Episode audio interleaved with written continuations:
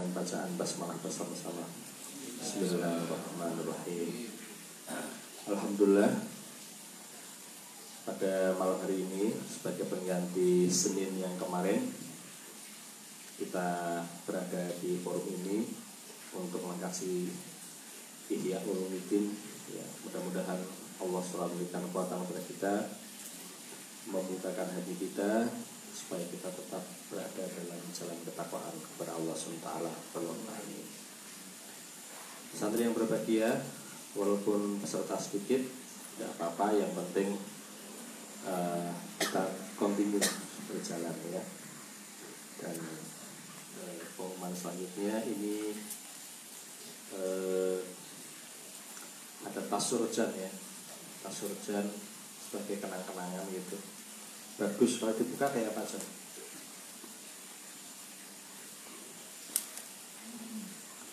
nah ini bisa untuk untuk berangkat ngasih surjan jadi Pak Imam nanti Pak Imam kertasnya. Jangan eger ya. jadi harus surjan gitu. Ini ya harganya berapa cat? lima puluh lima ribu lima puluh? Lima ribu. Wow kok nanggung orang enam puluh? Lima puluh lima ribu katanya. Ya kalau ini yang mahal tulisan sorjannya ini. Ini sorjannya ini lima puluh ribu harganya. Yang lima ribu tasnya. Ya monggo kalau berapa ya nanti mungkin satu mau mensubsidi nanti monggo langsung hubungi itu panitia. Ya. kayaknya kalau seragam ini mantap ya. Sorjan gitu ya. Baiklah eh, monggo Ustaz. Malam baru pulang. ya mungkin masih sampai juga tapi karena semangat ya ulumuddinnya maunya sih sebenarnya mau sare-sarean gitu tapi tadi wah ini godaannya. Ini gitu. Jadi nggak apa-apa lah. Berarti yang nggak hadir nggak nggak berarti berbeda. oh enggak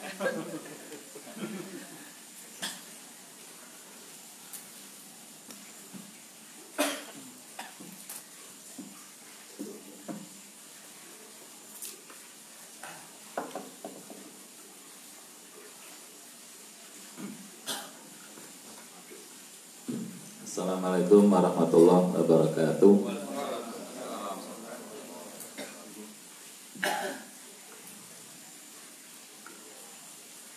Alhamdulillah wassalatu wassalamu ala rasulullah wa ala alihi wa sahbihi wa mawala. Asyhadu an la ilaha wa asyhadu anna Muhammadan abduhu wa rasuluh. Allahumma sholli ala Muhammad wa ala alihi sahbihi wa salam amma ba'd Bapak-bapak santriwan Sorjan yang kami hormati Alhamdulillah pada malam hari ini kita kembali dipertemukan Allah Subhanahu wa taala. Mudah-mudahan pertemuan kita kali ini senantiasa mendapatkan ridhonya. Salat dan salam marilah kita sampaikan kepada junjungan Nabi Agung kita Muhammad Sallallahu Alaihi Wasallam yang insya Allah akan kita nanti nantikan sabarnya besok pada hari kiamat. Malam atau minggu yang lalu kita telah membahas tentang tanda-tanda hati yang sakit dan hati yang sehat.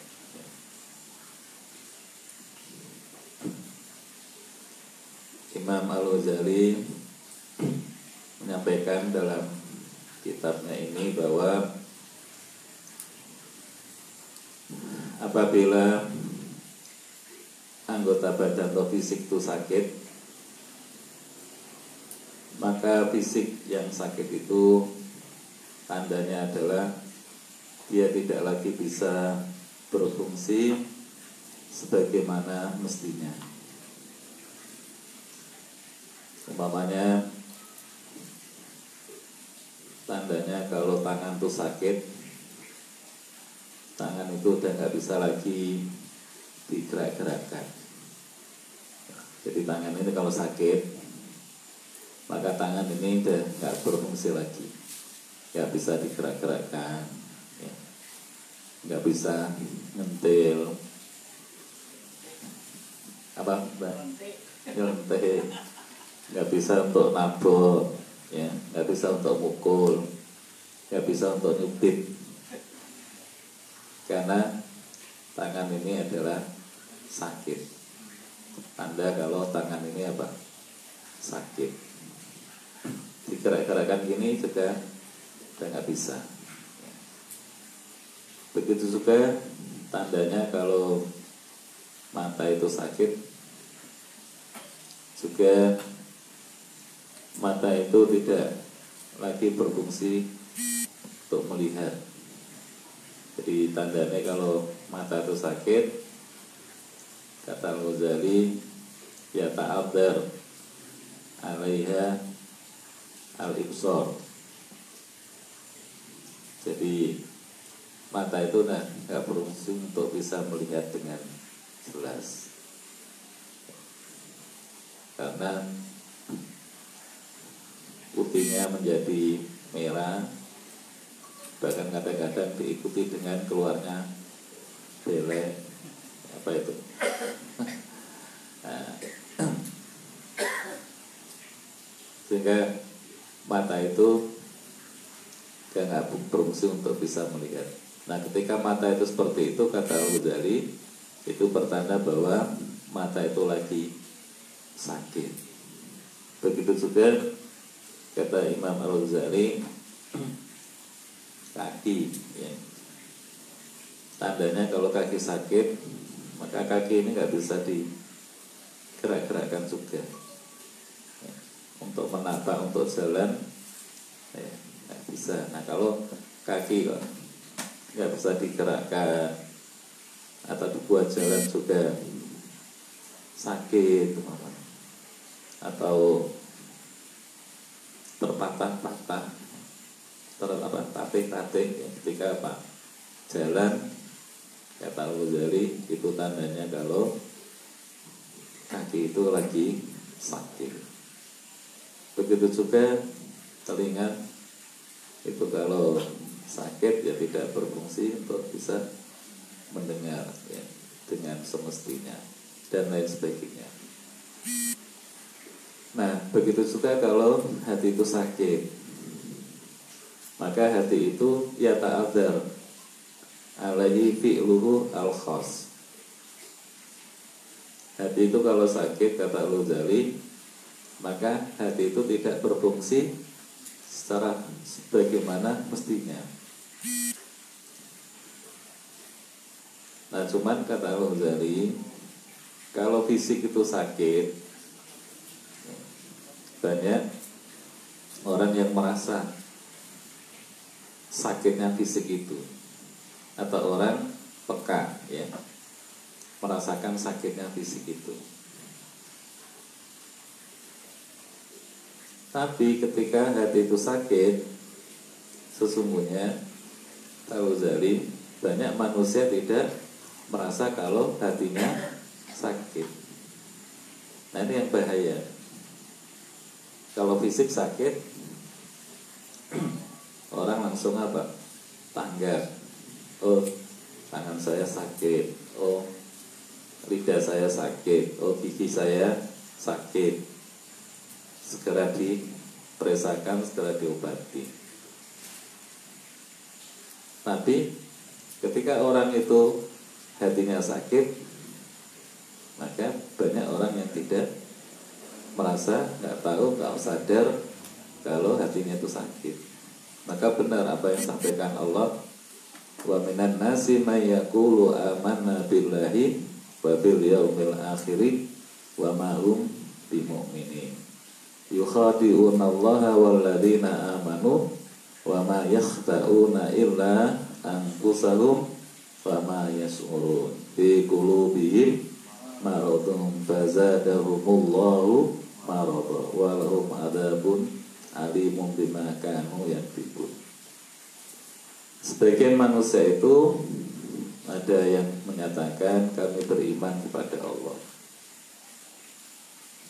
Jadi lisannya menyatakan iman kepada Allah tapi sesungguhnya hatinya itu tidak beriman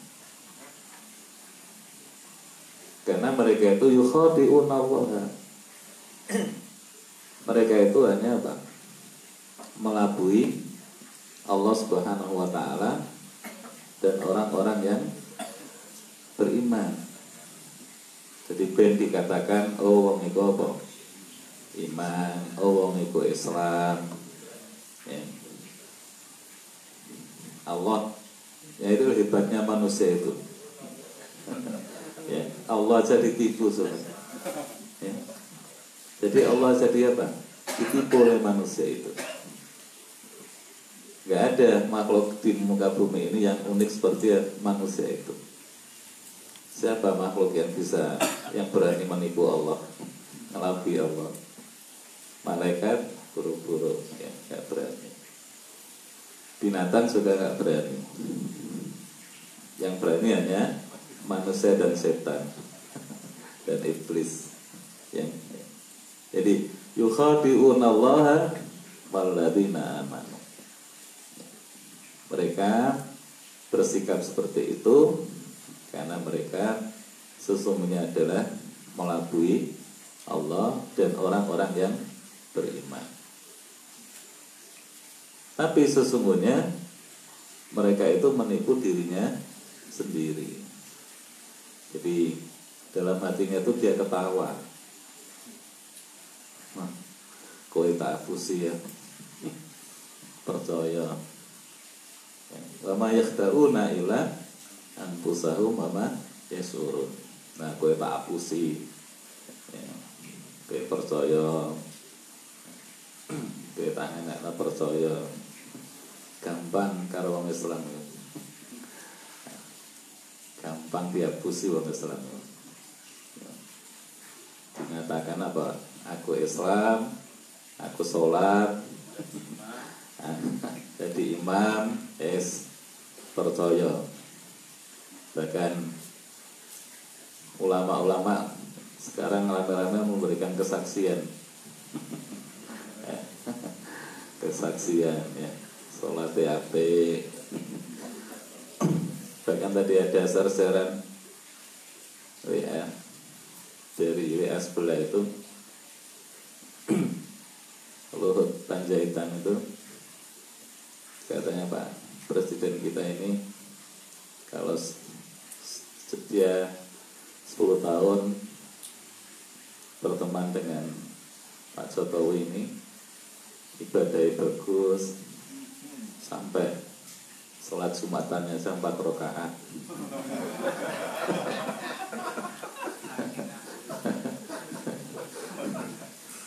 Nah, dibales sholat Jumat empat rakaat. Oh itu wartawannya yang keliru. Allah Akbar. Jadi sekarang ini ya Allah apa? Jadi benar Allah itu ya. Idza ja'akal munafiquna qalu nashhadu innaka la rasulullah wallahu ya'lamu innaka ala rasulullah wallahu yashhadu innal munafiqina lakadzibun jadi orang sekarang rame-rame apa? Memberikan kesaksian dijawab oleh Allah. Ketahuilah sesungguhnya orang-orang munafik itu adalah orang yang suka berbohong Yusuf Mansur yang memberi kesaksian. TPK yang memberikan kesaksian. Atas dasar apa ya? Kemarin waktu Tanwir di sebelum Muktamar Muhammadiyah di Makassar itu itu kan menjelang pilpres ya 2014 itu. Waktu itu Pak Din menilai waktu itu oh, sudah bebas sholat ya. kan berarti kan diajar sholat ya ketika Pak Din ngomong Oh ada kok sholatin Mungkin berarti diajar sholat Itu 2014 itu Astagfirullah Jadi Wa mahum wa wa wa wa ma yukhadi'una illa anfusahum wa ma yashurun. Kenapa mereka bisa begitu? Fi qulubihim maradha. Karena hatinya itu sakit. Nah, karena sudah sakit, dapat ya ya fazadahumullahu maradha ditambah oleh Allah apa? Kesakitnya itu sehingga tambah menjadi jadi nggak sadar-sadar tuh nah, oleh apa ngelabui Allah dan umat Islam seperti itu nah, ditambah oleh Allah fazadahumullahu maradha walahum adzabun alimum bima kanu yakibun tapi sejatinya hati nuraninya itu apa tersiksa ya. karena apa yang dia ucapkan itu tidak sesuai dengan apa yang ada di dalam hatinya. Orang tuh kalau nggak jujur, istiqomah nggak akan bahagia. Jadi apa-apa no orang tuh kalau nggak apa nggak jujur itu nggak akan happy hidupnya. Jadi hatinya itu nggak akan apa, nggak akan happy. Orang tuh kalau nggak apa, nggak jujur kalau apa yang diomongkan dengan hatinya nggak pas itu ya, dia nggak akan pernah merasakan kebahagiaan benar Allah walahu ma'adabun alimun bima kanu yang itu dia akan apa e, memikul beban ya yang berat atas kedustaannya itu Nah, suatu waktu nanti Allah akan apa? Wallahu mukhriju ma kuntum taktumun. Suatu waktu Allah akan membongkar ya, kejahatan-kejahatan yang dia apa? Selama ini disembunyikan itu. Kan kita semua nggak tahu ya. Kita hanya diperintahkan oleh Nabi kita itu untuk menilai orang itu bidowahir hanya dari segi apa lahiriahnya tapi apa bisa rohir apa yang ada di balik itu kita tidak punya wewenang untuk menilainya yang hanya yang tahu hanya siapa? Allah. Nah kalau di balik itu orang itu niatnya agak bagus oke dia akan apa? Layas urun ya akan enjoy dengan keluar-keluarnya itu yang tidak sesuai dengan hati nuraninya itu dia punya niat yang nggak bagus umpamanya oke okay, dia tetap eksis umpamanya tapi satu saat Allah akan apa membongkar niatan-niatan yang enggak baik yang disembunyikan oleh setiap manusia. Jadi kita ini ya punya Allah jadi apa? serahkan aja pada dia biar mereka apa bilang apa saja yang tidak sesuai dengan nuraninya dia punya niat sehat apa saja kepada kita orang Islam ini. Tapi satu ketika Allah akan apa? Wallahu mukhrijum ma kuntum taktumun. Suatu saat Allah akan apa? Membongkar ya kejahatan-kejahatan yang tersimpan di dalam hati-hati manusia. Nah ini bahayanya kalau nah, orang yang seperti ini kata Allah atau Imam Ghazali itu orang yang sakit hatinya. Itu. Tapi layas ur mereka nggak apa. Nggak merasa nggak rumangsani kalau hatinya itu lagi apa? Sakit. Nah ini bahayanya. Manusia itu kalau hatinya apa? Sakit banyak orang yang tidak apa. Tahu banyak orang yang tidak sadar. Kalau fisik sakit jelas. Lidahnya sariawan jelas. Mangan nggak enak ya Pak dokter nah tapi kalau hati sakit nah ini yang banyak manusia yang apa nggak sadar. Layak surun tadi. Ya. padahal sakit fisik jauh lebih ringan dibandingkan dengan sakitnya sakit hati bukan hati yang apa sakit itu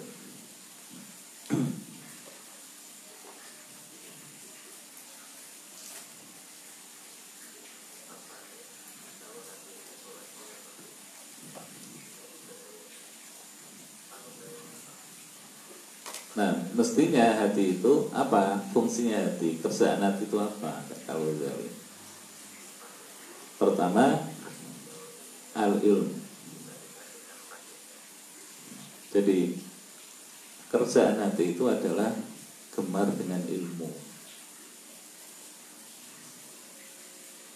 Nah kalau orang itu hatinya sudah atau orang itu sudah nggak senang dengan ilmu, diajak ngaji, ya orang itu tidak senang diajak pengajian orang sudah nggak senang diajak taskim ya untuk apa taskim ya. disodori buku suruh baca dia nggak mau baca ya. Wes pokoknya orang itu sudah alergi dengan ilmu maka tandanya kalau orang itu hatinya sakit tapi sebaliknya kalau orang itu kok suka dengan apa? Ilmu. Di mana saja ada ilmu, dia pasti datangi. Apalagi nanti selalu ya berikan sport, memberikan spirit ya kepada tolabul ilm. Orang-orang yang suka mencari ilmu itu apa?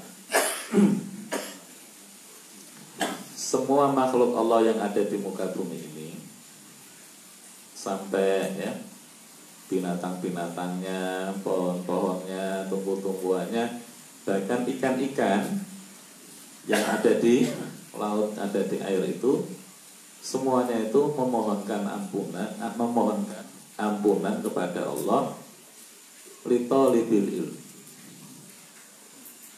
kepada orang-orang yang gemar menuntut ilmu itu.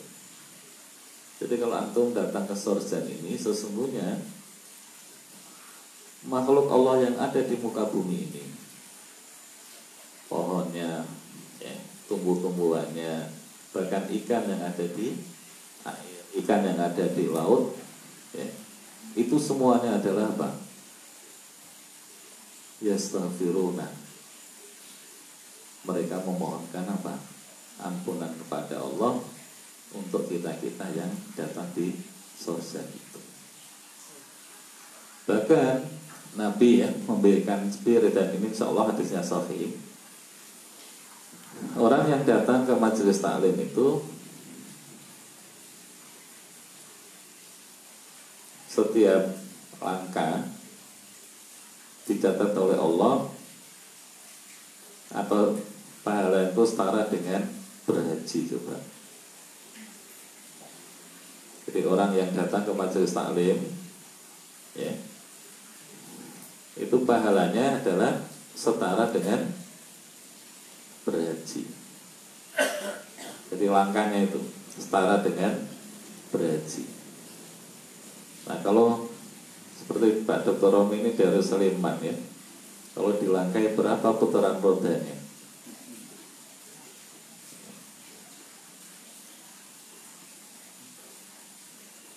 Kalau bayar rumah masih dekat. Tapi berapa langkah masih ya? 10 langkah berarti sama dengan berhaji 10 kali. Orang bisa haji 10 kali itu butuh waktu berapa tahun? Haji itu dilaksanakan setiap tahun sekali. Berarti butuh waktu 10 tahun. Nah di sinilah ada sebuah buku yang kemarin saya kita tulis hidup berkah itu ya. Nah, kita terjemahkan itu sesungguhnya usia kita ini kan hanya kisaran 60 sampai 70. Nah dengan model usia kita yang 60 sampai 70 itu saja sudah kepotong usia balik kita itu katakan rata-rata 15 tahun.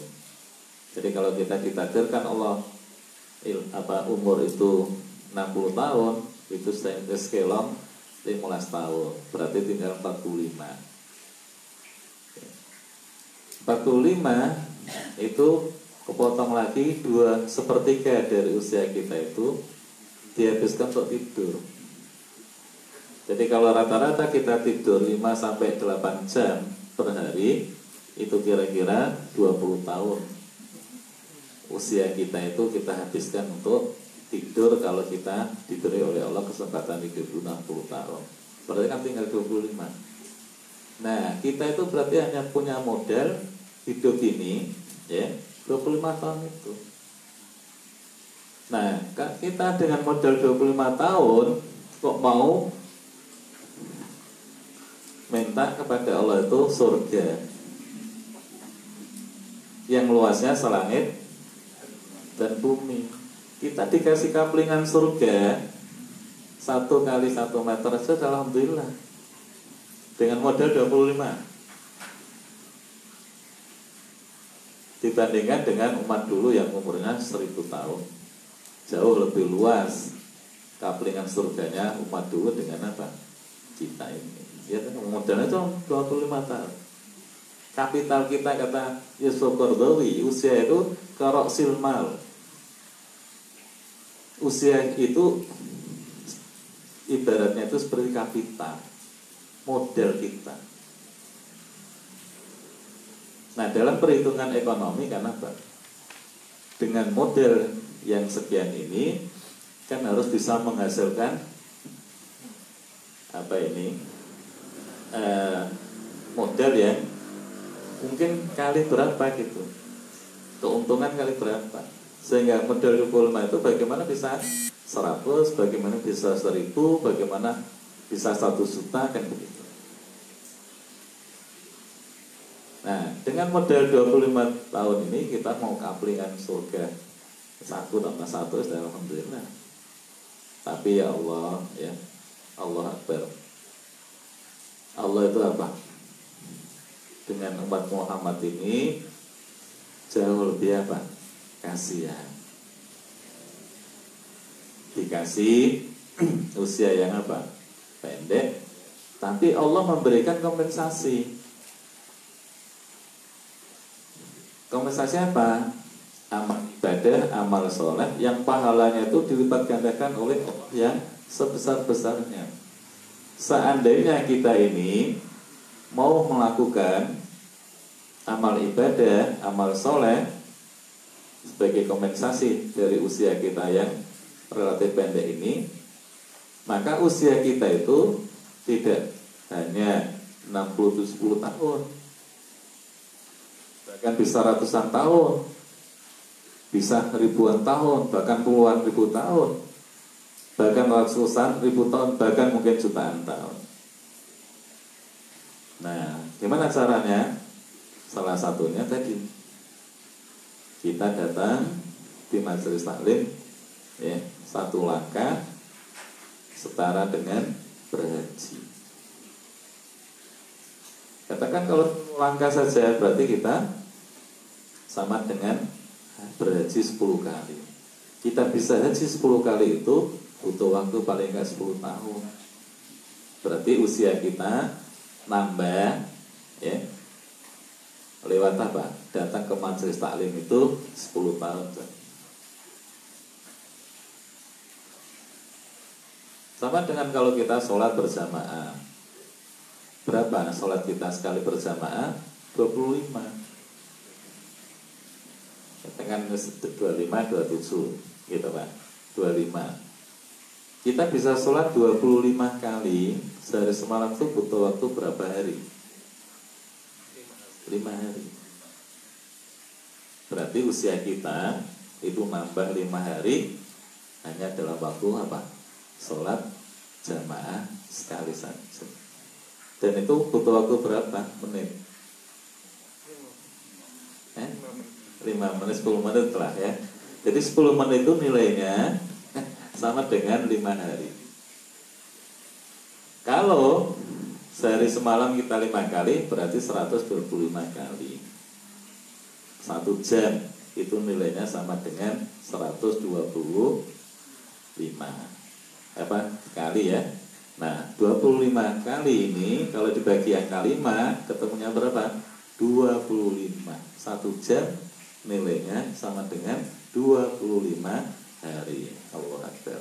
Itulah cara Allah Pak memberikan kompensasi kepada umat Muhammad usia yang Allah berikan kepada kita ini relatif pendek. Karena kita ini harus apa? Mencari amalan-amalan seperti itu.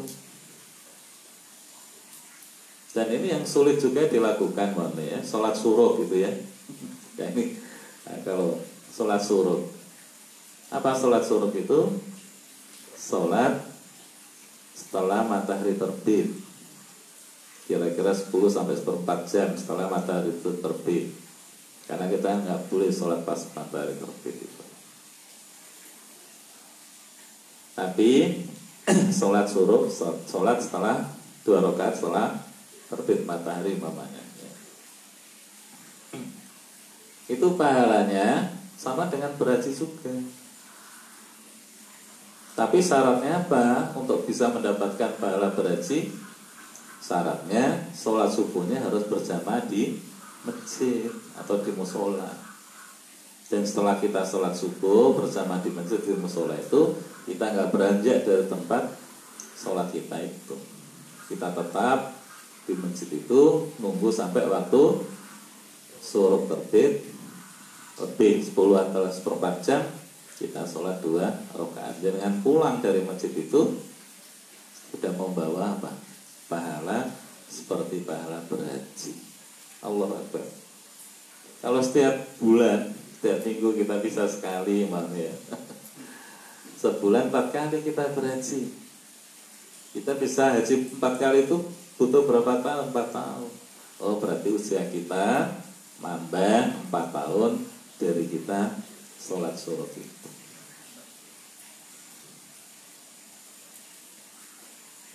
Belum lagi nanti puasa. Puasa itu kita ngasih iftar ya, buka puasa walaupun hanya aqua satu itu kan podo sama dengan kita mendapatkan pahala orang yang berpuasa itu. Kalau kita bisa menyiapkan aqua itu satu kerdus itu ya, isinya tulapan di masjid yang banyak jamaahnya, kemudian habis setiap hari nah berapa? Berarti setiap hari itu kita sama dengan puasa sebanyak 48 kali. Kita bisa puasa sebanyak 48 kali itu butuh waktu berapa bulan?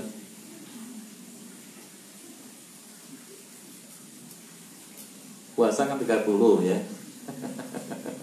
Oh, berarti 30 satu bulan lebih 18 hari.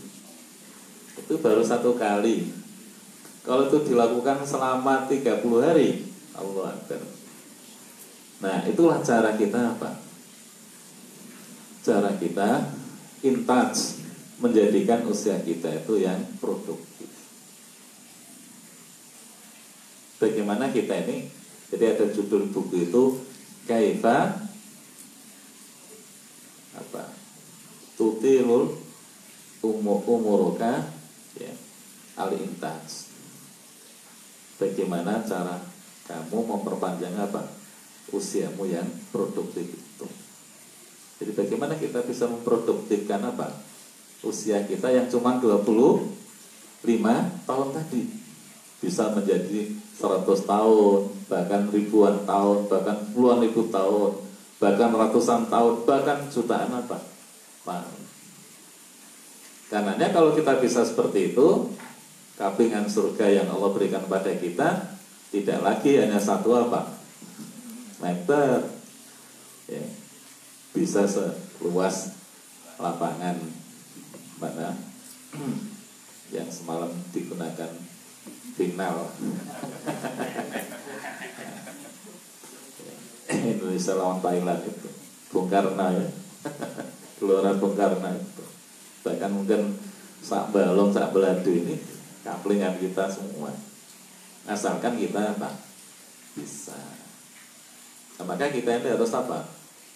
Kita dicari amalan-amalan yang pahala yang diper, dilipat oleh Allah tadi. Antum saya kira juga sudah biasa mungkin ya setiap bulan puasa yang mulbit itu tanggal 13, 14, 15 Komaria. Kalau antum bisa puasa tiga hari ini pada tanggal 13, 14, 15 itu sama dengan antum puasa satu tahun. Nah kalau setiap bulan kita bisa apa? Puasa terus berarti kita ini selama satu tahun itu sama dengan puasa 11 tahun. Jadi usia kita itu nambah dengan puasa tiga hari ya 13, 14, 15 itu 11 tahun. Karena satu bulan kan sudah untuk Ramadan, ya pak. Nah, berarti kan tinggal dulu apa? Dulu kode, dulu hijjah, Muharram, Safar, kemudian dan seterusnya, ya. Nah, jadi 11 bulan itu. Nah kalau 11 bulan setiap bulan kita bisa puasa tiga hari itu, nah berarti usia kita nambah 11 tahun. Nah itu cara. Ya. Belum lagi kalau latul qadar ya, itu nilainya lebih banyak lagi. 80 tahun. Kalau selama kita hidup ya ini bisa mendapatkan latul qadar 5 sampai 10 kali saja. Dan berapa itu? 5 berarti 400 tahun. Kalau 10 800 tahun. Usia kita tambah lewat apa? Level dari itu. Makanya jamaah umroh, jamaah haji itu selalu kita motivasi. Kalau di sana kan masya Allah ya, sholat satu rakaat di Masjidil Haram itu nilainya sama dengan 100 ribu di Medina itu 1000 nah ini matematika. 100 tahun 100 sampai 100 ribu ya dibagi angka 12 ketemunya berapa? 9 9 8, sekian. 800 atau 8 berapa Pak? 80 jadi 100 ribu dibagi 12 8 ribu ya Pak? 8 80 Nah 80 80 atau 800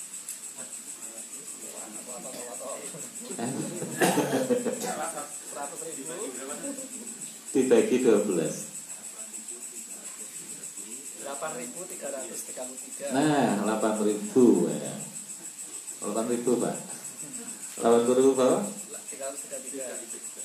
333 Itu berapa tahun? Nih, berapa tahun 8.000 itu? Berarti dibagi 365 Ya sakit ya. Itu baru satu rakaat. Ya Belum dua rakaat ya Allah. Makanya jamaah haji sama umroh itu Kalau di sana ya nggak memanfaatkan kesempatan itu dengan baik Ya rugi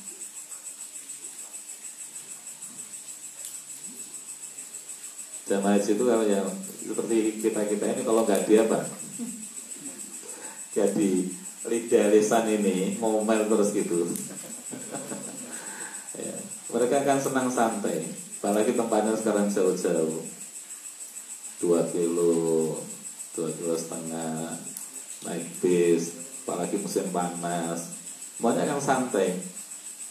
Di sana kalau mau sholat itu ya sholat di hotel atau masjid yang terdekat SM kita sering ngapa kalau dengan di ke sini sholatnya di hotel di apa masjid yang terdekat ngapain ke sini jauh-jauh?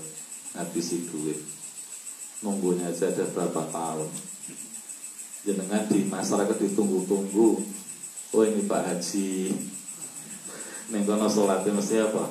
Neng haram. Eh jebulan nih neng kono sholatnya neng tanah halal masjid halal sering kita guyani kita jamaah itu kalau nggak dikitukan. Yes. jadi kita ini harus apa? Jueh itu. Ngandani terus itu. Memotivasi biar apa? Jamaah itu. Nah kalau saya kan nggak punya beban jadi kita nggak punya beban ya, ngandani wong kita ngandani apa mereka tersinggung ya tapi ya senang. Gak gitu loh sama es. Nilai apa? Santai-santai. Apa mana karakter nafsu itu senang apa? Santai gitu. nah itulah ya cara kita apa? Menjadikan usia kita ini produktif itu jadi kita bisa memilih-milih ya. Amal itu sebagai kompensasi usia kita yang apa? Relatif pendek itu. Nah hati yang sehat itu kata Al Ghazali adalah hati yang apa? Gemar mencari apa? Ilmu itu. Di mana saja ada ilmu ya. Jadi kata Nabi al hikmatu dolan fa'ena wajadtumuha fa antum ahaku biha. Jadi ilmu itu kata apa sabda Nabi ilmu itu ibaratnya barang yang hilang. Di mana saja kamu menemukan barang yang hilang itu kamu yang lebih berhak untuk apa? Mengambilnya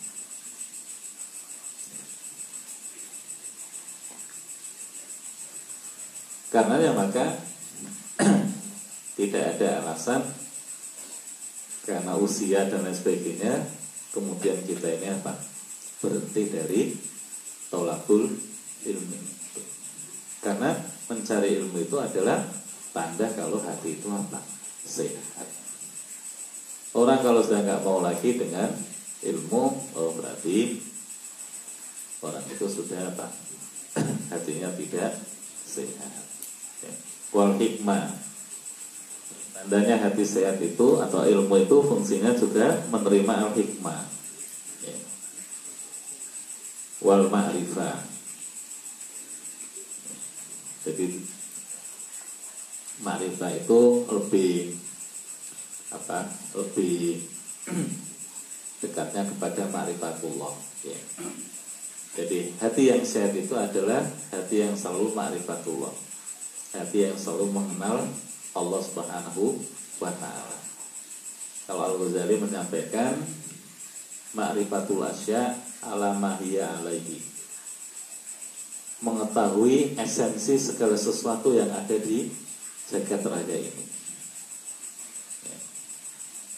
Setelah dia mengetahui ya esensi segala sesuatu yang ada di jagat raya ini, kemudian hati itu menemukan oh ternyata yang menciptakan mujiduha wa muhtarimuha ya, yang mengadakan segala sesuatu yang ada di muka bumi ini.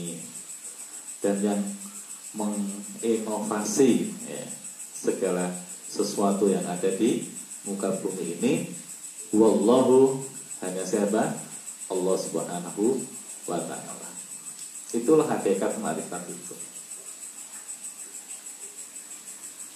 yang kemarin kita sampaikan oh ini kok ada apa? Dia menemukan barang ya. Oh ini kok ada pena ada pensil. Apa pensil ya? Taklot pulpen pulpoin apa? Taklot ya.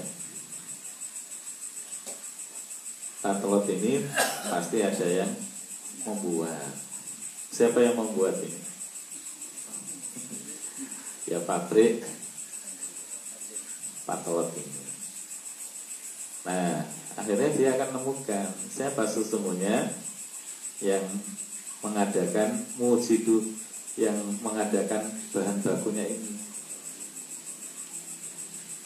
Oh, yang mengadakan bahan bakunya ini adalah Allah Subhanahu wa taala.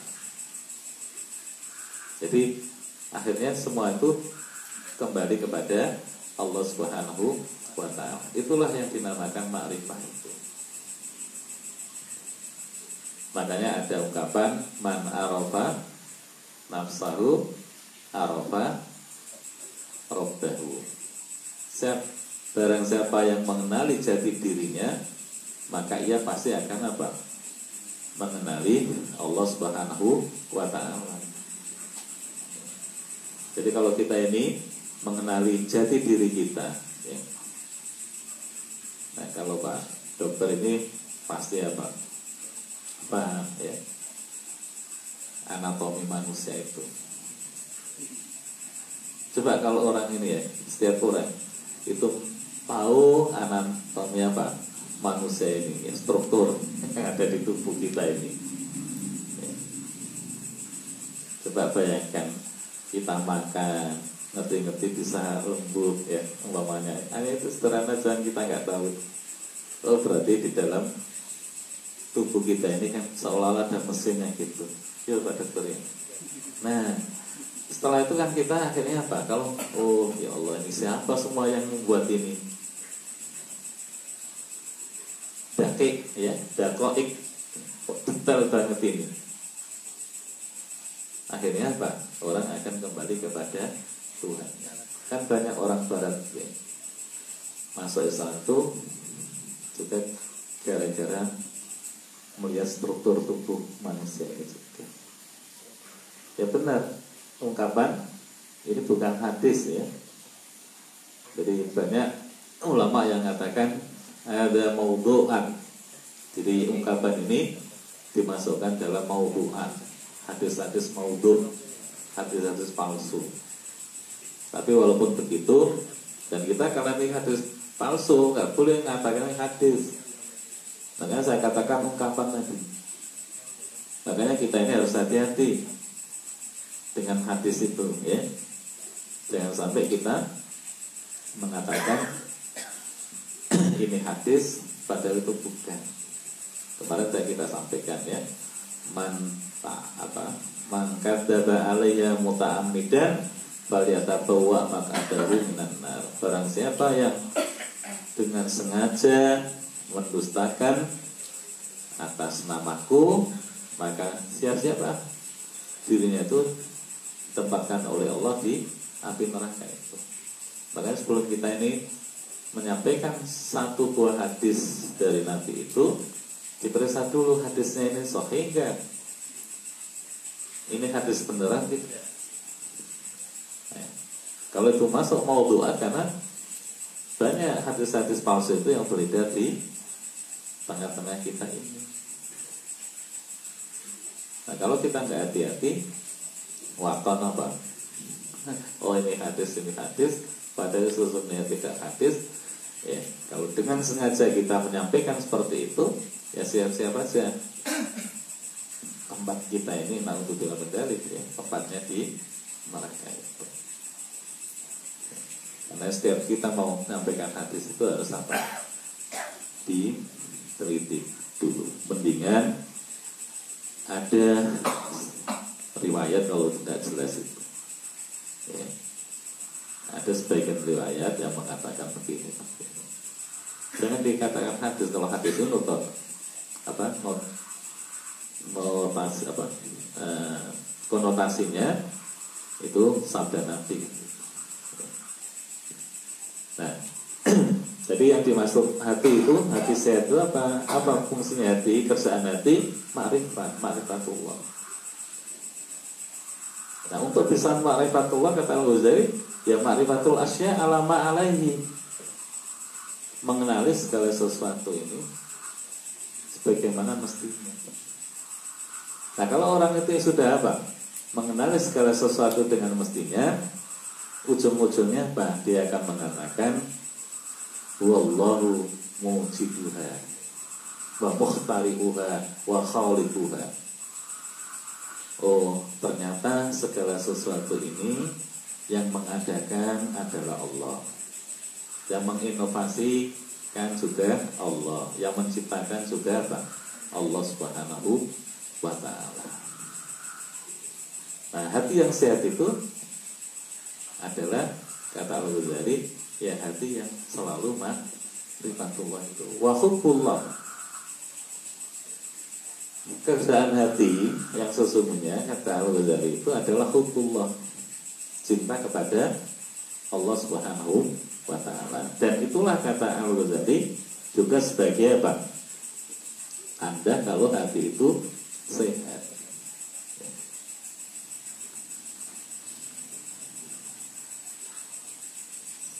Jadi kalau hati itu tandanya sehat kata Al-Ghazali ya hati itu pasti cinta kepada Allah. Wa ibadatuhu. Tandanya atau fungsinya hati atau kerjaan hati dan itu sebagai tanda juga hati yang sehat apa? Ibadah tuh hati itu gemar beribadah kepada Allah Subhanahu wa taala. Jadi nggak pernah apa merasa takasul apa takasur malas ya. Untuk apa? Beribadah kepada Allah. Semangat terus beribadah pada Allah. Ya. malam ya. Bangun ya. Jam tiga ya. Bayar mani kalau jam tiga setengah empat terus gugai. Warga balong sekitar ini sholat sholat sholat sholat. Nah jadi itu tanda hati yang apa yang sehat. Ya. suka apa? Beribadah pada Allah. Watala tubi. Bidikrihi. Merasa apa? Merasa nikmat ya. Dengan ingat pada Allah itu. Dengan ibadah itu nah ini yang barangkali jadi sebagai tanda kalau hati kita ini sehat itu kita ini merasa apa? Nikmat ketika kita beribadah, ketika kita pikir itu. Karena kalau selama ini kita beribadah kepada Allah, kalau selama ini kita berpikir pada Allah, atau selama ini kita membaca Quran, kok tidak merasakan nikmatnya kita beribadah, berpikir tentang membaca Al-Quran itu maka kita perlu apa? Mengintrospeksi diri kita. Jojo hati kita ini ya sehat ini. Hati kita ini apa? Sakit. Karena apa? Kalau hati itu sehat, mesti hati itu ketika diajak orang itu beribadah pasti hati itu akan merasa ya Allah nikmatnya. Kita beribadah. Nikmatnya kita puasa ya Senin Kemis di saat orang gak apa sama puasa kita menikmati puasa Senin Kemis itu. Di saat orang ya di siang hari sama makan minum ya kita puasa tiga hari tadi kita merasa nikmat dengan puasa itu. Jam 3 kita bangun kemudian kita bermunajat kepada Allah kita merasa apa? Nikmatnya munajat kepada Allah. Di sepertiga malam yang terakhir di keheningan malam yang seperti itu.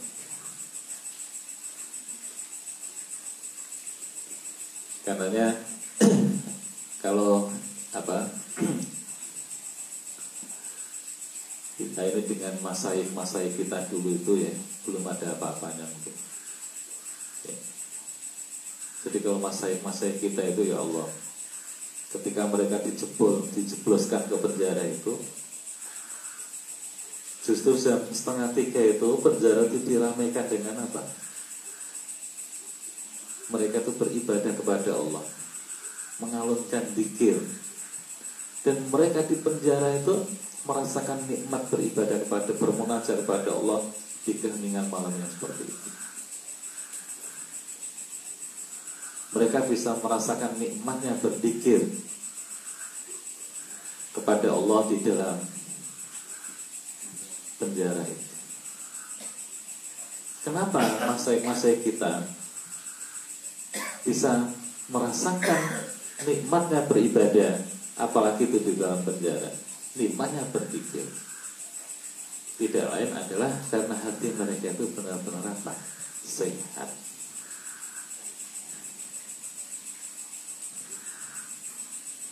Coba kalau saya baca, antum baca buku madrasah Hasan Albana itu, ya pasti menangis kita. Di situ diceritakan masa-masa kita ya, yang telah berjuang untuk Islam, untuk dakwah itu, dan akibat dari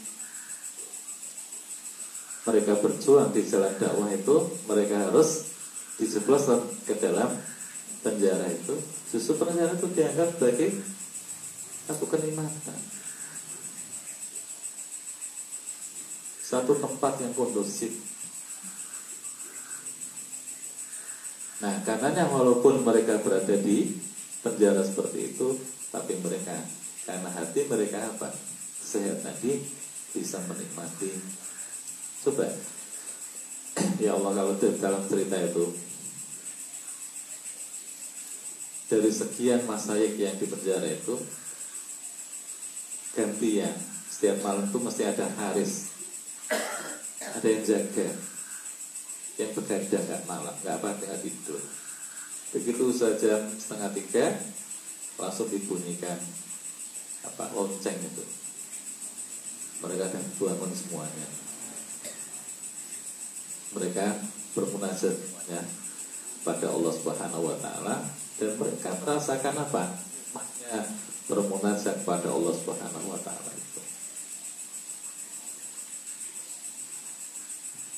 Makanya mereka-mereka ditakuti oleh siapa pun terutama oleh penguasa-penguasa yang dolim-dolim dan hati yang begitu itulah ya yang dikatakan oleh Mustafa al atau Masur ya dalam karyanya Al Jihadu huwa jadi kalau kita ini ingin mencapai apa? Tujuan yang sesungguhnya Gak ada lain selain harus jihad Dalam pengertian apa? Jihad secara luas itu Tidak hanya kita ya Tapi juga jihad dalam apa? Pengertian yang luas itu. Jadi kita harus optimalisasi Gak bisa kita hanya apa? Santai-santai Jadi kalau kita ingin menang ya harus jihad harus optimal kita. Oleh berjuang. Nggak setengah-setengah. Tenanan makanya judulnya saya al jihadu huwa sabil nah di dalam apa ini? Karya tadi karya Mustafa apa? Masur Mustafa Masur ya? Nah, Mustafa Masur itu dia sampaikan kalau orang itu hatinya sehat seperti itu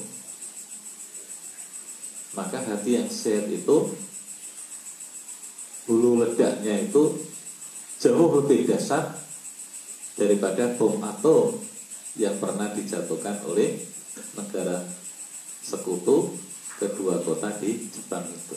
Hiroshima dan Nagasaki itu jauh lebih apa dahsyat. Makanya kalau orang Islam itu tenangan ya, itu segar, nggak apa. Kalau hatinya bersih itu menghadapi senjata materialis nggak ada yang takutin. Ke mana senjata megas ya, nggak ada yang takut karena apa senjata iman ini senjata apa kolbun salim ini kesehatan hati yang sehat tadi yang sudah bisa merasakan nikmatnya ibadah nikmatnya zikir pada Allah Subhanahu wa taala itu jauh lebih dahsyat kekuatannya itu hulu ledaknya itu daripada senjata-senjata materi fisik. Maka orang Islam itu nggak ada yang apa yang ditakuti. Apalagi tujuan mereka hanya apa? Hidup mulia atau mati sahid. Menang atau kalah kan. Kalau menang ya insya Allah akan eksis dakwah ya. Kalau kalah insya Allah mati sahid kan. Hanya ada dua pilihan, ihdal husnaini husnaya ini kata Allah. Orang Islam itu yang bicaranya dua, dua kebaikan. Ihdal ihdal kusnana kusnaya ini. Apa dua kebaikan itu? Mati sahid atau mati mulia. Hidup mulia. Kan. Menang atau kalah. Menang berarti insya Allah kita bisa ibadah di muka bumi ini ya dengan aman, nyaman, ya, nggak ada hambatan, ngaji di surga enggak, nggak harus izin dulu, ya, Pak Polisi, ya. kita khutbah juga begitu, kita ceramah juga aman semuanya.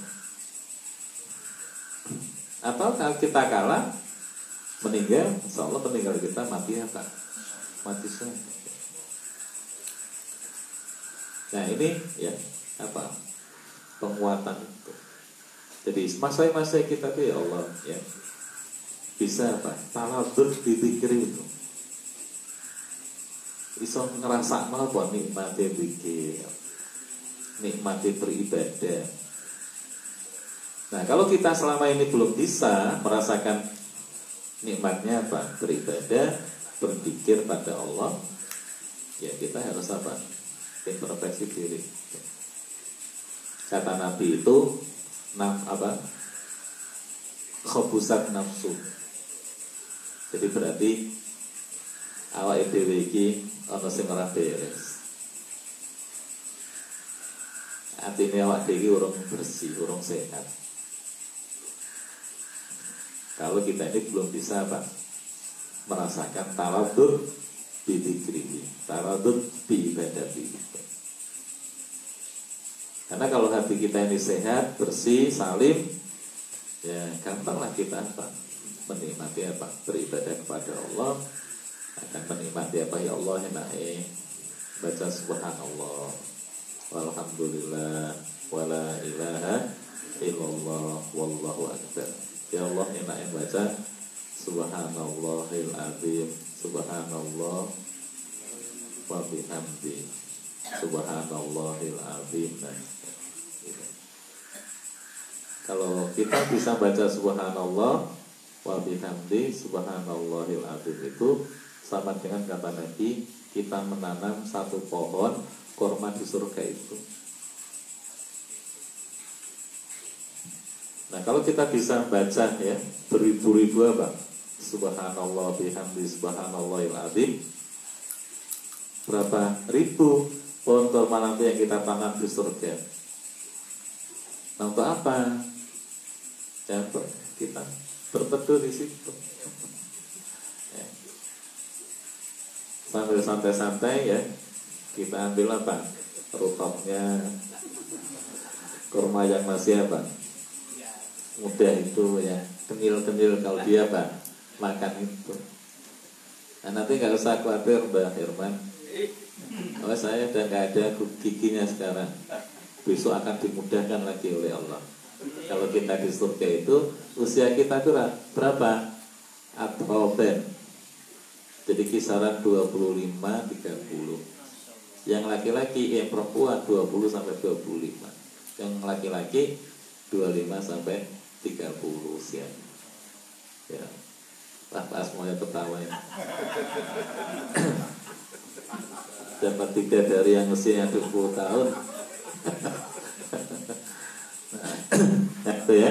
Jadi Wa talatu bidzikri itu tandanya. Wa isaru dalika ala kulli siwahu. Tandanya hati yang sehat itu kata Al-Ghazali Allah itu diprioritaskan ya, di atas segala syahwat di atas segala kepentingan apa selain Allah Subhanahu wa taala. Nah, yang sering kita sampaikan kita lebih mementingkan datang ke surga ataukah kita santai-santai di rumah bapaknya. Nah sebagai tanda hati yang sehat itu berarti kita lebih apa? Mementingkan datang ke surga ini daripada kita santai-santai di rumah atau chatting-chattingan di rumah atau acara apa. Jadi tanda hati yang apa? Yang sehat itu lebih mengutamakan Allah daripada di atas segala kepentingan-kepentingan syahwat itu. Kalau yang lain-lain itu kan bisa ya dilakukan kapan saja. Tapi kalau sursen ini kan hanya seminggu sekali. Itu aja kadang nggak tertib waktunya. Pindah-pindah. Dari orang apa? Sudah apa ini? mengagendakan oh Senin itu waktunya surga tapi dipindah-pindah nah inilah cobaan ini bagian dari dinamika jadi wa isaru ala dalika jadi apa?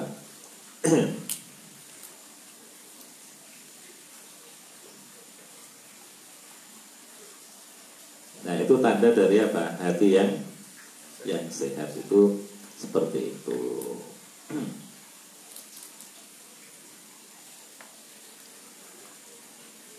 Makanya kata Imam Al Ghazali itu ya,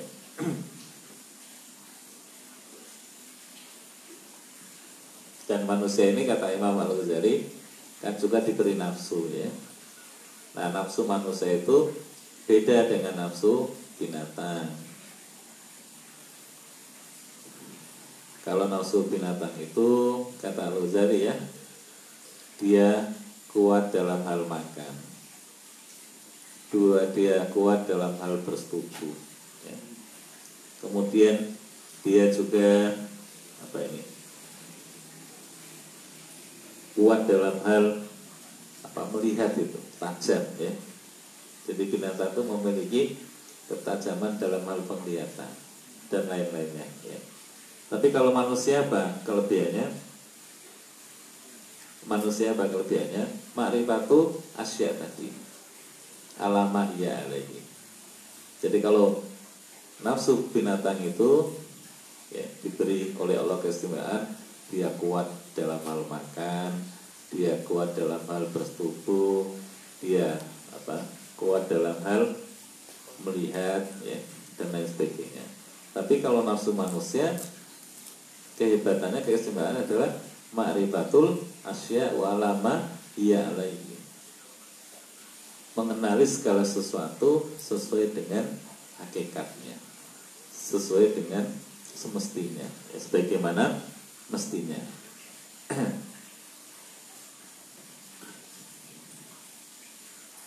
bahkan Imam Al-Ghazali juga menyampaikan ya bahwa tanda makrifah itu adalah mahabbah. Jadi kalau orang itu tadi kita sampaikan, kalau orang itu mengenal Allah, maka pasti dia akan apa? Mencintai Allah Subhanahu wa taala. Nah, kalau orang itu mencintai Allah, apa tandanya kata Al-Ghazali? Apa tandanya kalau orang itu mencintai Allah? Dia akan memprioritaskan Allah dari segala kepentingan-kepentingan yang bersifat duniawi. Dia akan mementingkan ya untuk memenuhi panggilan Allah daripada memenuhi panggilan-panggilan orang-orang yang boleh dia cintai itu. Iki ono panggilan Allah ada. Ini ono panggilan rapat kira-kira. Ini sing penting bang. Nah, tandanya kalau orang tuh cinta pada Allah, pasti dia akan apa? Mementingkan panggilan Allah Subhanahu wa taala. Jame padha pas adzan ono dan rapat ya. Nah, dalam keadaan itu tentu yang dipentingkan adalah undangan Allah itu sebagai bukti kalau orang itu mencintai Allah Subhanahu wa taala.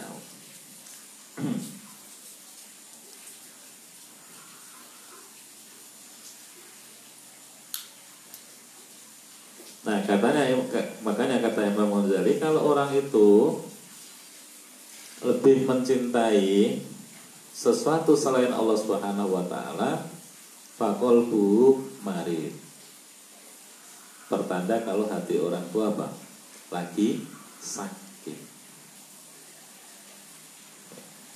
Jadi kalau orang itu lebih mementingkan apa?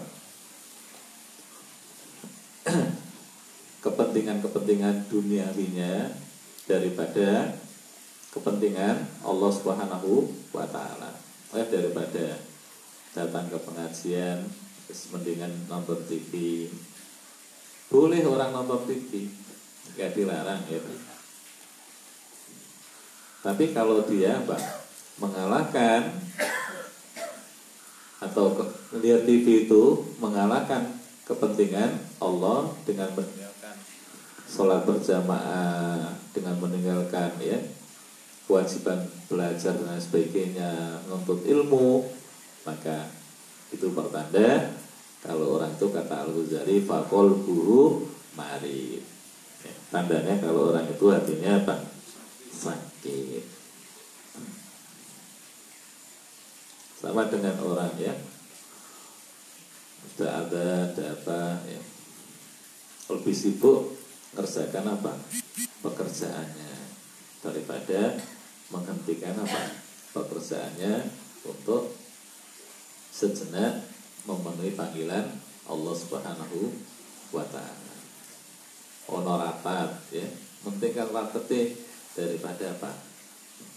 Berhenti rapat untuk menunaikan sholat atau ibadah. Nah, orang yang seperti ini kata Al Ghazali oh, berarti hatinya mahrib hatinya apa sakit ya. nah nah ini benar fa alamatul marada fa hadhihi alamatul marad. Semuanya ini tanda apa? Hati yang sakit itu. Wa bihada yu'rafu anal qulub wa maridah Nah, dengan tanda-tanda seperti ini kata Al-Ghazali apa? Dengan tanda-tanda ini wabihada yu'rab ya dengan tanda-tanda ini maka kita tahu bahwa semua hati manusia ini lagi apa? sakit. Illa masya Allah kata Al-Ghazali. Hati manusia nggak sakit itu hanya Allah yang tahu, hanya segelintir.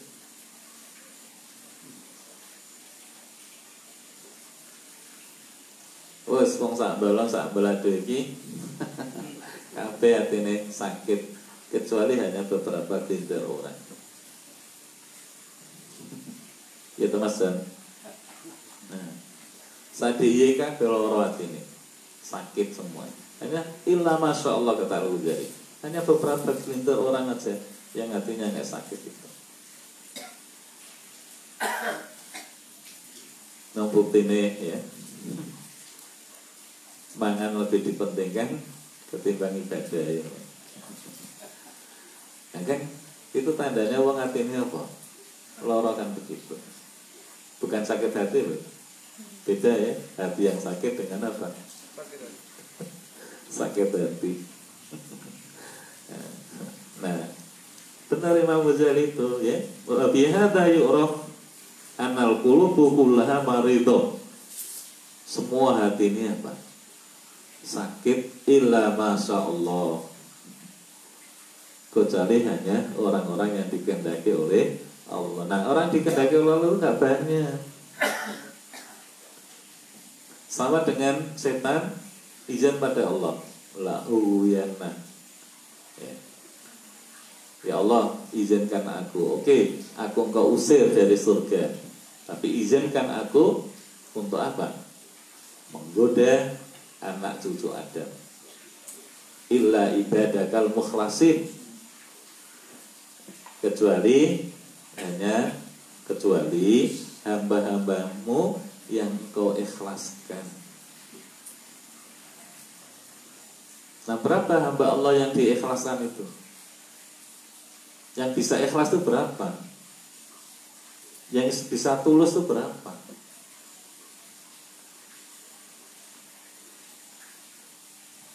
Mungkin saya sudah pernah sampaikan ya. Dr. Yusuf Kordowi itu dalam bukunya dia punya banyak buku. Dia kayak membedah 10 usul apa 20 usul itu ya.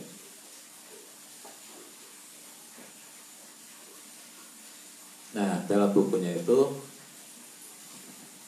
dia yaitu niat wal ikhlas judulnya.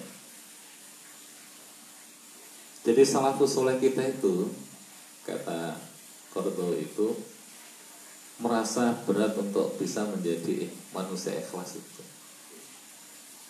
Karena dia mereka mengatakan tidak ada pekerjaan di dunia yang paling berat dan paling sulit selain pekerjaan yang namanya ikhlas itu. Jadi tidak ada dunia ini di dunia ini pekerjaan yang paling apa? Sulit dan paling berat selain pekerjaan ikhlas itu. Siapa orang bisa ikhlas?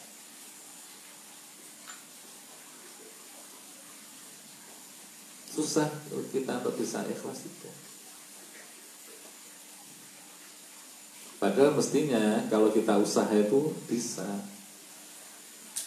Apalagi kita kita ini ya usianya sudah ya sudah di atas 25-an.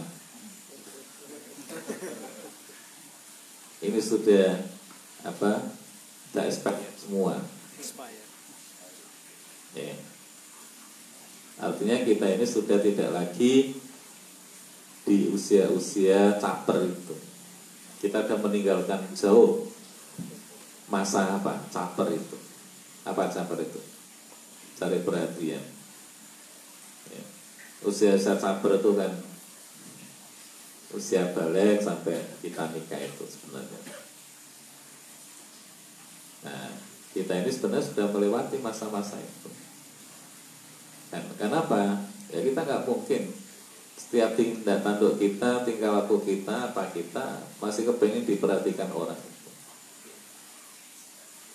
Apalagi calon apa? Kok calon? Apalagi lawan jenis ya sudah nggak ada masanya lagi.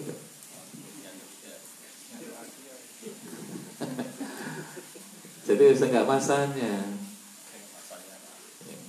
Sudah melewati masa-masa itu kita ini. Kalau udah nikah loh, kecuali yang belum. Kalau nikah apa? Ya kan? Kita udah masanya lagi. Om itu sudah kita lewati. Yang kedua, apa manfaatnya kita ini diaplusi orang tua apa? Sesungguhnya nggak ada manfaatnya. Kata orang Arab itu bidun dua, nggak ada faedahnya, nggak ada artinya. Kita di aplusi ditepuk itu hebat hebat hebat. Apa manfaatnya? Paling yang sirai saat ini gede sak cukup untuk kalau dikritik ya sak gede ini sak ini sak ini tetap tapi maafi jadua nggak ada faedah nggak ada artinya sama sekali nah kalau kita ini sudah melewati masa-masa seperti itu ya saya nggak lagi ya pak melewati masa caper pun pula ya kita ini ya semestinya kita apa apa minta diperhatikan orang itu. Dan yang ketiga tadi ya nggak ada manfaatnya kita dapat pujian ya sanjungan lemah dari orang lain itu. Nah kalau kita sudah ngerti itu berarti kan tinggal satu langkah aja. Wis awak dhewe iki madhep mantep pada Allah wis ora apa. Layal tapi yaminan wasimalan wis ora ke kanan ke kiri. Wong apik apa ya apa awak dhewe iki turun tentu wong iku apa? Apa mana awak dhewe iki apa? Ya gak eh, pasti orang gak akan apa? Pasti akan memberikan penilaian yang positif dan apa? Negatif. Itu sudah akan kita apa? Ada. Cuman masalahnya adalah memang manusia itu punya watak senang dipuji nggak senang. Dikritik itu. Ya, kalau dipuji senang. Kalau dikritik apa? Nimpes gitu. Nah semua itu harus kita apa patahkan semua biar kita ini jadi manusia yang ikhlas maka sedikit orang bisa seperti ini. Sama dengan kata Al-Ghazali itu annalku annal quluba kullaha maridah illa masya Allah semua hati manusia itu apa? Sakit. Illa masya Allah kecuali yang dikendaki oleh Allah. Berapa yang dikendaki oleh Allah sedikit sak kelintir. Ya. illa anna minal amrad ma la ya'rifu sahibuha. Anehnya kata Ghazali banyak hati yang sakit tapi pemiliknya tuh nggak ngerti nggak tahu kalau hatinya apa sakit. itu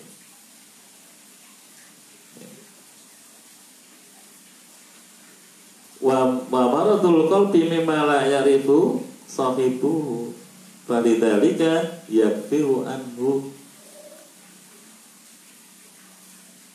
Karena hati Sakitnya hati itu tidak kita diketahui oleh pemiliknya. Akhirnya apa? Si pemilik hati yang sakit tadi Yakfiru anhu. Lupa. Lali anhu pikirannya hati ini orang apa? Gak sakit. Diabaikan ya piluan diabaikan. Padahal sesungguhnya apa? Sakit. Diajak ngaji orang gelem. Diajak ke ilmu orang gelem. Yes rasanya sakit. Tapi diabaikan. Wa in arafahu sa'uba alai sabru ala mirarati dawai Kalaulah ia itu apa? Ngerti, tahu kalau hatinya sakit, apa? So'ubale sobru Dia sulit untuk apa? Bisa sabar Ala maroroti dawaihi Karena apa? Dia harus apa? Ngobati terus, ngobati terus Jadi begitu sakit harus diobati. Begitu sakit diobati. Jadi nggak sabar ya. harus ngobati terus ngobati terus. Apa obatnya fa inna dawa'uhu mukhalafatu syahwat nah ini susah. Obatnya hati yang sakit itu adalah apa? Harus melawan syahwat harus melawan segala sesuatu yang diinginkan oleh nafsu. Itu yang berat.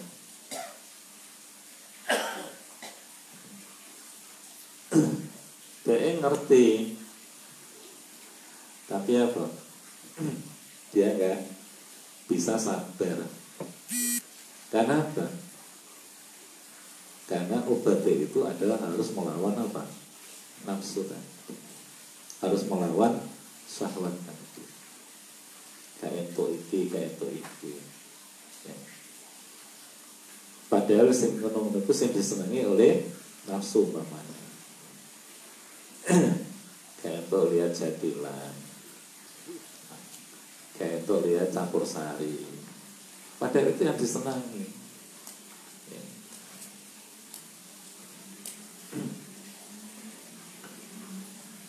Fa in wajada fi nafsi quwwatus sabri alaihi lam yajid tabiban hadikon yu'alijuhu. Andai kata orang itu punya kesabaran, apa kata Ghazali? Dia belum menemukan dokter yang cerdas yang bisa mengobati sakitnya hati atau hati yang sakit. Nah, terima mau diobati dewe. Dia sulit. Ya. Tapi kalau tidak, ya, dia belum bisa menemukan apa? Dokter yang cerdas, dokter yang apa ya, yang bijak itu, yang mujarab, ya, yang just untuk mengobati penyakitnya itu. Nah, kan serba apa? Serba dilema. Nah, siapa tabibnya itu? Fa innal attiba'a humul ulama. Para dokter-dokternya itu ya apa? Para ulama itu. Jadi belum menemukan apa? Ulama sing juga tuh. nah ini. Ya. Karena juga banyak ulama sekarang ini yang apa? Lagi sakit hatinya. Bukan sakit hati tapi hatinya yang apa? Sakit. Di bihin marodo tadi. Nah ulama-ulama yang hatinya sakit seperti ini ya nggak mungkin bisa apa? Ngobati hati yang apa? Sakit Karenanya kata seorang dai yang waktu itu tenar ya di Kuwait. Abdul Hamid Kisik gitu. Dia dai kondang waktu itu tahun 890-an di Kuwait itu. Dia nyatakan seorang insinyur itu kalau mau bangun bangunan setinggi apa pun dia mudah untuk bisa membangun bangunan itu. Sementing dana yang ada, dana ada, karena itu semuanya adalah fisik. Jadi bangun gedung pemancar langit itu ya, terus gampang bagi insinyur atau apa orang sipil itu. Tapi susah kalau orang itu membangun mental manusia itu.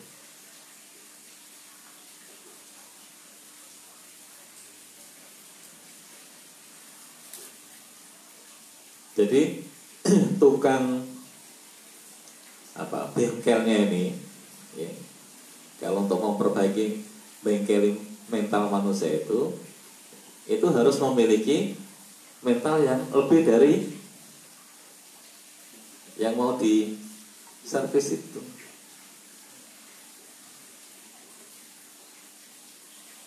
Karena kalau orang yang menservis itu tidak memiliki kelebihan, ya mental yang bagus dari yang diservis, nggak bakal bisa. Karena yang didandani itu adalah apa? Bukan fisik, tapi yang didandani itu adalah hati. Nah, dandani hati itu jauh lebih berat, jauh lebih susah daripada dandani fisik. Kalau bengkel motor atau mobil dilihat kerusakannya parah tidak. Kalau nggak parah ya bisa di dandani. Kalau apa? Parah rusaknya tinggal ganti apa? Seperempat yang baru. Nah kalau hati manusia apa seperempatnya Pak Dokter? Apa yang diganti? Maka tukang bengkelnya ini itu harus memiliki kekuatan yang lebih. Makanya orang-orang mengatakan pagi syekh la yukti. Orang yang tidak punya apa-apa nggak akan bisa memberi nilai pada orang lain. Makanya kalau ada semboyan revolusi mental, revolusi mental itu ya, bagaimana mau mendandani mental masyarakat Indonesia seperti itu? sementara yang tukang dandani itu mentalnya beruntung di atas mentalnya wong masyarakat Indonesia itu. Ya nggak mungkin. Hanya jargon lisan aja. Ya kan nggak mungkin. Makanya yang sudah pernah kita sampaikan mungkin. Nabi itu sebelum ya apa, diordetkan oleh Allah, ditugasi oleh Allah untuk dandani hati dan akal manusia yang sudah rusak waktu itu masyarakat yang hati dan akalnya rusak Nabi itu dikuliahkan oleh Allah terlebih dahulu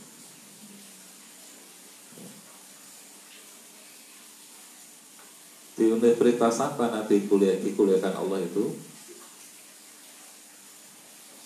Universitas yang namanya madrasah atau jamiatu tahajud. Universitas tahajud sholat tahajud. Ya ya ayyuhal muzammil kumil laila illa qalila selama bertahun-tahun Nabi itu dikuliahkan oleh Allah di situ. Nah, setelah Nabi apa? Dianggap oleh Allah, ya, sudah memiliki kekuatan batin yang luar biasa, barulah Nabi diperintahkan Allah untuk membengkeli, memperbaiki masyarakat yang hatinya sudah rusak demikian. Nah gimana nggak rusak hatinya? Mereka hampir setiap hari, setiap saat itu ya, yang dilakukan oleh masyarakat jahiliyah dulu itu apa? Minum-minuman. Mau lima lah gitu.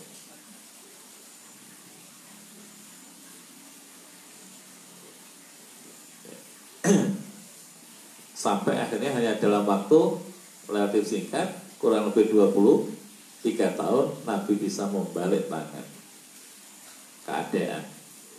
Yang tadinya masyarakat itu suka kumpul-kumpul ya. Minum-minum main kartu kumpul-kumpul dengan ya. Ya begitu.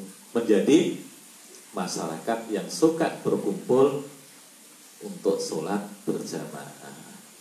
Menjadi masyarakat yang suka berkumpul untuk berpikir. Menjadi masyarakat yang suka berkumpul untuk mencari apa? Ilmu di majelis apa? Taklim dan sebagainya. Coba kalau Nabi itu tidak memiliki apa? Kekuatan yang lebih dari masyarakat jadi waktu itu nggak mungkin Nabi bisa merubah ya hati manusia yang tadinya sakit menjadi apa? Sehat seperti ini. Makanya nonsen ya. Jargon apa? Revolusi mental itu nggak mungkin. Tung tukang apa? Bengkel wae. Orang bantu apa? Remok ya Pak? Ya remok. Ya. Ya sama lah dengan kita. Bagaimana kita akan bisa menjadikan anak-anak kita ini ya katakan anak yang rajin sholat jamaahnya, rajin baca Qurannya, sementara kita sendiri nggak punya nilai itu itu. Ono adan malah sibuk chatting-chatting anu ape. Ngomong anak ele ke masjid. Nah ke mana? Pasti anak kita akan mangsuli nah bapak wae apa orang yang masjid ayo le maca Quran masing bocor HP Gimana anak mau membaca Quran? Ya sama lah dengan kita. Nabi Nabi itu tidak seperti itu. Nabi itu punya nilai. Belum beliau melakukan itu Nabi sudah apa? Melakukan. Makanya dengan hanya waktu 23 tahun Nabi bisa merubah ya masyarakat yang tadinya hatinya sakit akalnya nggak sehat menjadi masyarakat yang hatinya sehat akalnya menjadi apa sehat. Belum ada pemimpin bisa seperti dia bisa ya kan? Tadi nah karenanya maka Pak Atiba ulama tadi dokter-dokter yang dimaksud itu adalah para ulama Wa istawala alaihim marad. Mereka-mereka itu yang apa? Mengetahui ya seluk beluk penyakit apa? Hati. Fa inat apa? Waqat istawala nah ini Uzari mengatakan Fatiba'u ulama Dokter-dokter itu ulama Tapi apa? istawala alaihimul marad. Tapi ulama itu itu sakit dikuasai oleh apa? Istawala alaihim al marad. Tapi ulama itu dikuasai oleh berbagai macam apa? Penyakit yang mengidap penyakit berbagai macam penyakit kasarane ya lamuno dia ikut kesabaran untuk berubah.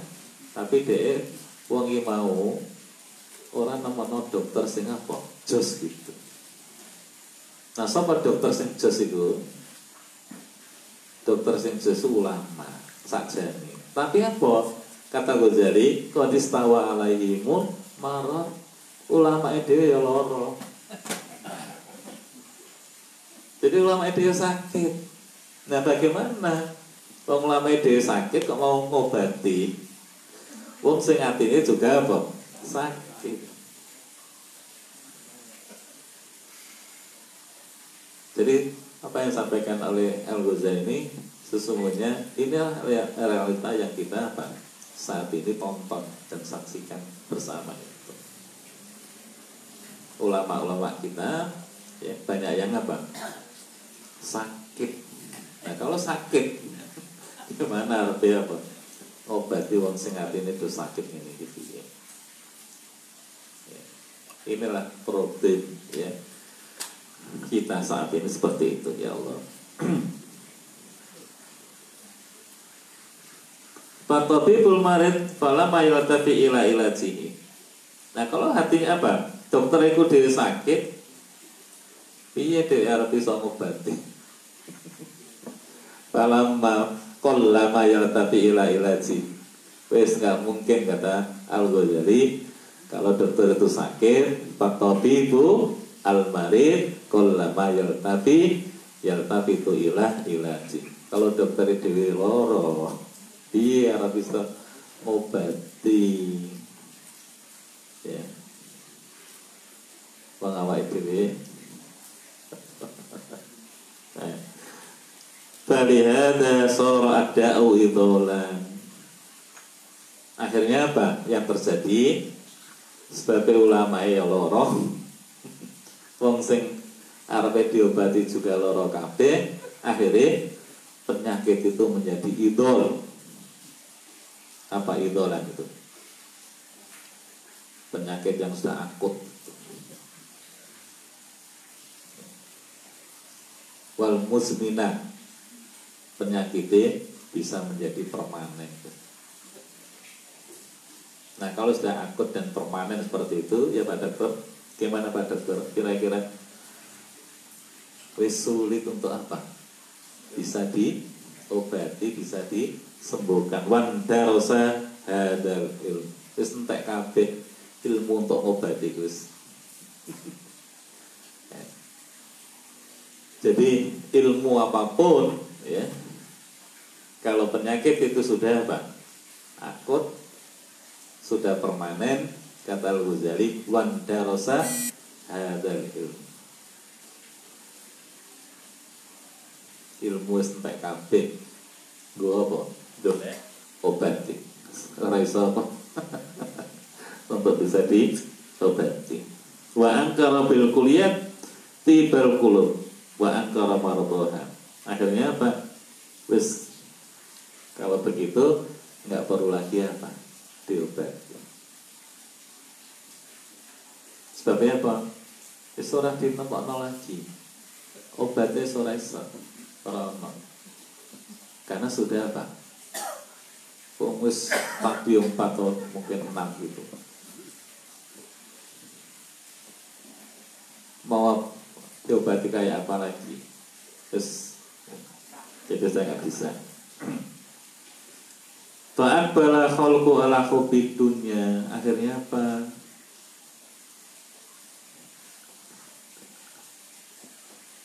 Akhirnya Karena angkot seperti itu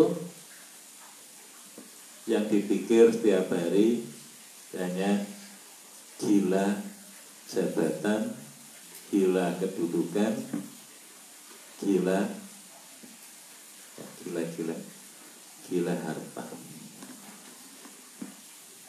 wa akbala ala hubbi dunya. Akhirnya apa? Karena ada akut penyakitnya tadi yang sudah nggak bisa lagi dia apa? Sembuhkan karena ada ilmu sudah apa? Habis untuk menemukan obatnya. Akhirnya apa? Hati yang seperti ini hanya gila apa? Kedudukan, gila jabatan, gila harta wala a'mali dohiriha ibadatun ya lahirianya itu apa ibadah kita eh tapi apa wa batinuha adatun wa mira'atun tapi batine ya dalam hatinya itu hanya apa? Itu cuma rutinitas dan hanya pencitraan. Miro'ah eh, apa miro'ah itu? Ria itu. Dari kata ria hanya pencitraan Iya hati ini ya sholat Tapi oleh sholat itu untuk pencitraan Yang imami ya, Tapi oleh imami itu cuma hanya apa? Pencitraan Itu kalau orang tuh hatinya sudah apa? sakitnya hati itu sudah atau penyakit hati itu akut itu sudah seperti itu. Ya kita ya ibadah. Tapi ibadah itu cuma apa? Oh orang enak tombol ini ada tuh. Iki wae hari raya kalau nggak sholat dewi ya bingung kan. Oh ini Ramadan ya. Kalau ini enggak apa? mulutnya kayak ikut kering kalau keluar siang-siang lebih kan atau miraat miraatun kalau nggak gitu lagi ibadah itu batinnya itu cuma untuk apa? Percitraan. Oh benar. Awak dewi dianggap gini gini oh penampilannya kalau apa? Kelambinya kayak putih putih lain kok sederhana banget wong itu. Nah jadi begitu ya kira-kira. Nah kata Ghazali fahadihi alamatul amroh. Inilah tanda-tanda hati itu apa? Sakit. Inilah tanda-tanda penyakit apa? Hati. Jadi kalau ada orang yang sudah seperti itu ya berarti penyakitnya itu sudah apa? Akut ya sudah permanen musmin ya, sudah permanen ya, sehingga sing dipikir nek dunia toh jadi sing dipikir setiap hari itu hanya apa dunia dunia dunia. Duit duit duit. Ya, sampai lindure lindure juga duit duit. Atau jabatan langgeng langgeng langgeng. Nah itu aja saya dipikir itu ya. Nah kalau sudah seperti itu itulah tiba kata Al Ghazali ya penyakit apa hati naudzubillah min dari ya. Terus gimana nanti cara ngobatinya ya? Biar hati itu bisa apa? Sakit eh bisa sehat kembali itu. Nah insya Allah nanti kita teruskan ya. Mudah-mudahan masih bisa dia apa sembuhkan. Begitu? Ayo. Assalamualaikum warahmatullahi wabarakatuh.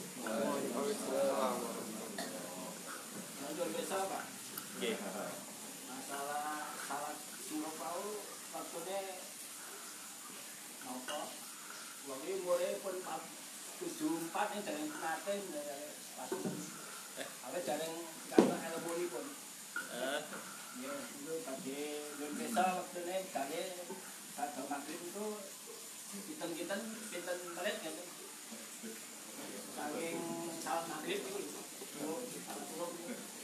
suruh suruh Ya, sholat suruk itu Mbah Irman. Sholat sesudah su sholat subuh. Jadi terbit matahari. Nah, Bukan surup. Jadi kalau surup kan Maghrib Nah, ini surup Pakai kok subuh Bersubuh ngantos terbit matahari. Nah, saat ini terbitnya matahari itu jam gangsal 43. Berarti jam 6 kurang seperempat. Nah, berarti kita tidak akan sholat suruh itu jam 6 atau jamu kurang gangsal menit sak sampunipun nindakake salat jamaah maghrib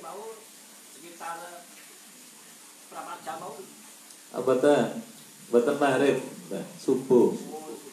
Jadi suruh, batan suruh. Yeah. niatipun salat Suruh. Yeah, suruh. Jadi sholat, bibar sholat subuh, jamaah atau masjid, bersama atau masjid, boten medal saking masjid, tetap napa lenggah teng masjid, ngantos menggo jam 6 Nggih, kurang gangsal menit lah. Nggih. Nah, lajeng saderengipun medal nggih masjid, tindakan sholat kali rakaat niatipun sholat suruh. Niku ganjarane kados ini napa niku nindakaken ibadah haji Allah. Akbar. Nggih.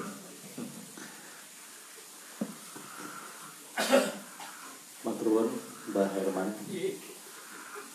Surup ya Mbah. Surup, sarip, kesurupan